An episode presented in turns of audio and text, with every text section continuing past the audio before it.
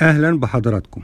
مرة تاني بنرجع نتكلم عن الوسواس القهري وبنسأل النهاردة هل للتربية الأسرية دور في تنشئة الأطفال أو تنشئة الإنسان إن يكون أكثر عرضة لإنه يصاب بمرض أو اضطراب الوسواس القهري؟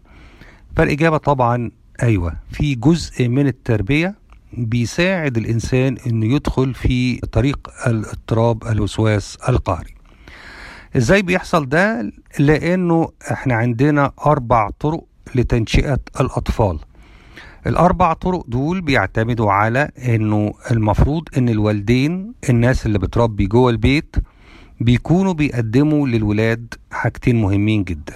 إذا افترضنا إنه الذراع الأيمن للوالدين بيقدم الحنان والحب والعطف والعطايا للأولاد يعني الجزء اللي خاص بالدلع والانبساط والهيصة والفرفشة مع الولاد.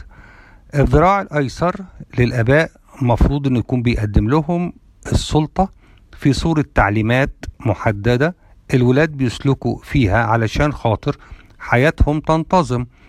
السلطة هنا بمعنى ياكلوا إزاي يشربوا إزاي يذاكروا إزاي يناموا إمتى يصحوا إمتى يلبسوا هدومهم إزاي ولما يقلعوها يعلقوها إزاي ويتعاملوا مع الناس إزاي. فالذراع الأيسر هو ذراع التعليمات هو ذراع السلطة. الذراع الأيمن هو ذراع المحبة والعطاء والحنان. والمفروض إن التربية تعتمد على إن الوالدين يكونوا بيستعملوا الاتنين مع بعض. إن ولادنا جوه البيوت يكونوا بيختبروا الأمرين. يختبروا محبة من قبل الأهالي معاها حنان وعطاء ويختبروا أهالي بتعطي تعليمات واضحة مفهومة صريحة علشان الولاد تعرف تعيش حياتها لأن الولاد ما بيبقاش عندهم فكرة عن النظام ممكن يكون بيمشي إزاي. لما الأهالي تستعمل ذراع واحد من الذراعين أو تهمل الذراعين معا أو تلخبط فيهم بينتج عندنا أنواع مختلفة من التربية. مثلا لو لقينا حد من الأهالي بيستعمل ذراع المحبة والعطايا دون أن يعطي تعليمات خاصة بالحياة يعني بيدي العيال اللي هم عايزينه بدون ما يطلب من العيال إن هم يلتزموا بنظام أو قواعد أو أي شيء.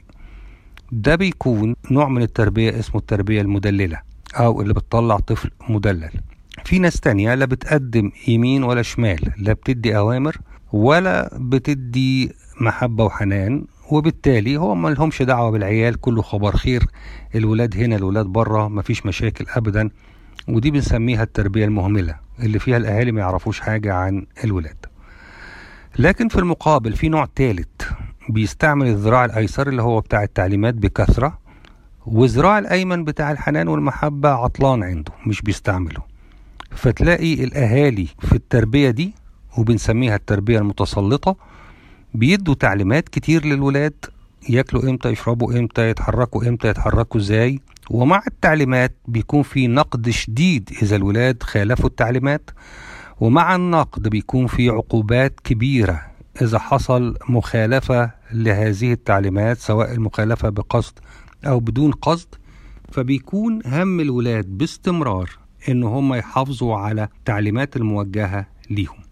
والشيء المحبط والمحزن انه الولد بيبقى دايما مخلي باله إنه يسمع الكلام ومش بيلاقي في نفس الوقت أي نوع من التشجيع إذا التزم بسماع الكلام أو إذا عمل حاجة صح. لأن الدراع اليمين عطلان مفيش أي نوع من الحنان والعطاء بيقدم ليه. ده النوع من التربية اللي هو التربية المتسلطة اللي بيطلع مع الوقت شخص موسوس. أو شخص قابل لاضطراب الوسواس القهري لأنه الكلمة الوحيدة اللي كان بيسمعها زمان إنه لازم يعمل كذا وكذا وكذا وكذا لئلا ينال العقاب اللي فيه كذا وكذا وكذا وكذا فكان بيعمل أفعال معينة عشان يبعد عنه هذا الأمر. حتى بعد اختفاء الوالدين لما بيصيب الاضطراب الشخص بيبقى اضطراب الوسواس القهري كأنه بديل عن الوالدين إنه لازم يعمل كذا وكذا وكذا. علشان يتفادى العقوبات اللي جاية عليه فيضطر الشخص إنه يعمل الأفعال القهرية دي يغسل إيديه كتير يغسل الغسيل كتير يتأكد من قفل الباب كتير يراجع الحاجات اللي بيكتبها كتير علشان ما يحصلش معاه زي ما كان بيحصل أيام زمان. ففي ارتباط وثيق ما بين التربية المتسلطة واضطراب الوسواس القهري. تحياتي للجميع.